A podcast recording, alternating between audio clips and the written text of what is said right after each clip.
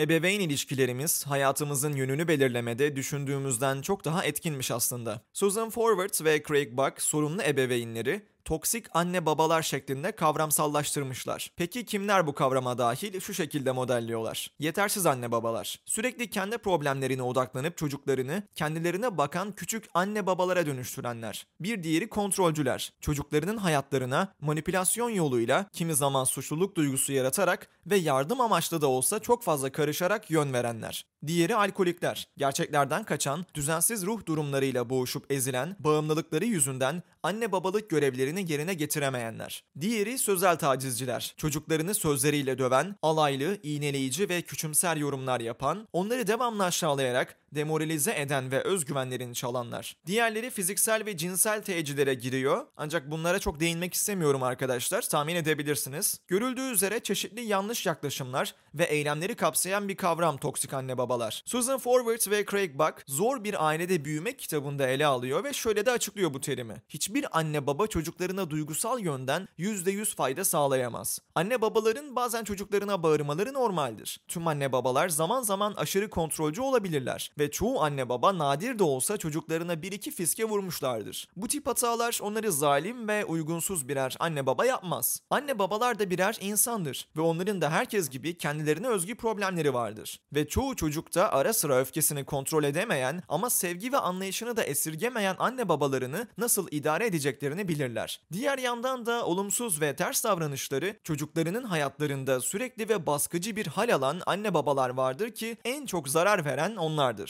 Bu tip anne babalar toksik kavramını akla getiriyor. Tıpkı kimyasal bir toksin gibi verdikleri duygusal hasar çocuklarının benliklerine tümüyle yayılıyor ve o çocuk büyüdükçe yarası da acısı da büyüyor. Peki toksik anne babalar ne yapar? İnsanın çocukluğu ve yetişkinliği üzerinde nasıl etkileri olur? Şöyle açıklıyorlar. Toksik anne babaların yetişkin çocukları küçükken dövülmüş de olsalar, fazla yalnız bırakılmış da olsalar fazla korunmuş ya da aptal muamelesi görmüş de olsalar hemen hemen aynı semptomlardan yakınıyorlar. Öz saygıları hasar gördüğü için kendi kendilerine zarar veren davranışlarda bulunuyorlar. Bir şekilde hemen hepsi kendilerini değersiz, yetersiz ve sevgiye layık olmayan kişiler olarak görüyorlar. Bu bir yerden tanıdık geliyor olabilir. Bu duyguların çoğu bu kişilerin toksik anne babalarının davranışlarından bilerek veya bilmeyerek kendilerini sorumlu tutmalarından kaynaklanıyor. Savunmasız ve ailesine ihtiyaç duyan bir çocuk çocuğun kötü bir şey yaptığı için babasının öfkesini hak ettiğini düşünmesi, esas koruyucu olması gereken o babanın güvenilmez bir kişi olduğunu kabul etmesinden çok daha kolay. Bu çocuklar büyüdüklerinde de suçluluk duymaya ve kendilerini yetersiz hissetmeye devam ediyorlar. Bu da kendilerine olumlu birer öz kişilik oluşturmalarını engelleyebiliyor. Ortaya çıkan kendini değersiz hissetme duygusu da hayatın her yönünü etkiliyor. Peki kendi ebeveynlerimizin toksik olup olmadığını nasıl anlarız? İnsanın kendi anne babasının bu kategoriye dahil olup olmadığını olmadığını objektif biçimde analiz edebilmesi kolay değildir. Ama belli başlı sorulara vereceğimiz yanıtlar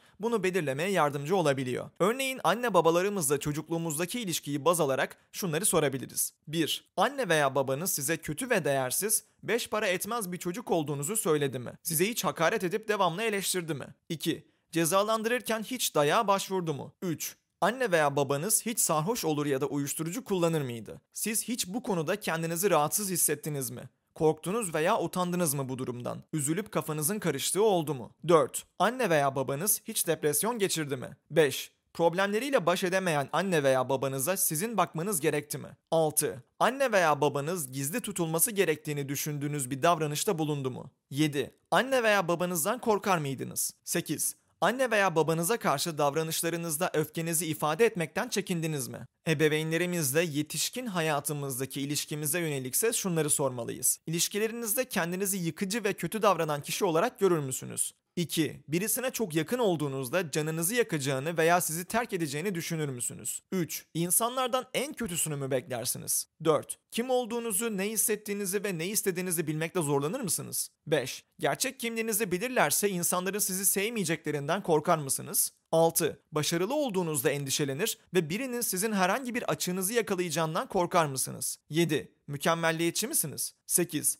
Dinlenmek veya güzel vakit geçirmek sizin için zor mu? 9. tüm iyi niyetinize rağmen kendinizi anne babanız gibi davranırken bulur musunuz? Evet dostlar, bu soruların üçte birine dahi evet şeklinde yanıt verdiyseniz toksik anne babalara sahipsiniz demektir. Toksik ebeveynler hangi yöntemle olursa olsun hemen hemen aynı yaraları açarlar. Yani anne ve babanız alkolik olmayabilir fakat alkolik ebeveynlerin yarattığı kaos içinde olan bir dünyada büyüme ve çocukluk yaşayamama yaraları diğer toksik anne ve babaların çocuklarında da görülebilir. Bütün yetişkin çocukları iyileştirme sürecinde kullanılan prensip ve yöntemler birbirine benzer bu yüzden. Evet, birazcık interaktif bir video oldu arkadaşlar. Soruları ve cevaplarınızı yorumlara yazabilirsiniz. Bugün toksik anne babaları konu almaya çalıştım. Yarın tekrar görüşmek üzere o zaman. Kendinize iyi bakın ve hoşçakalın.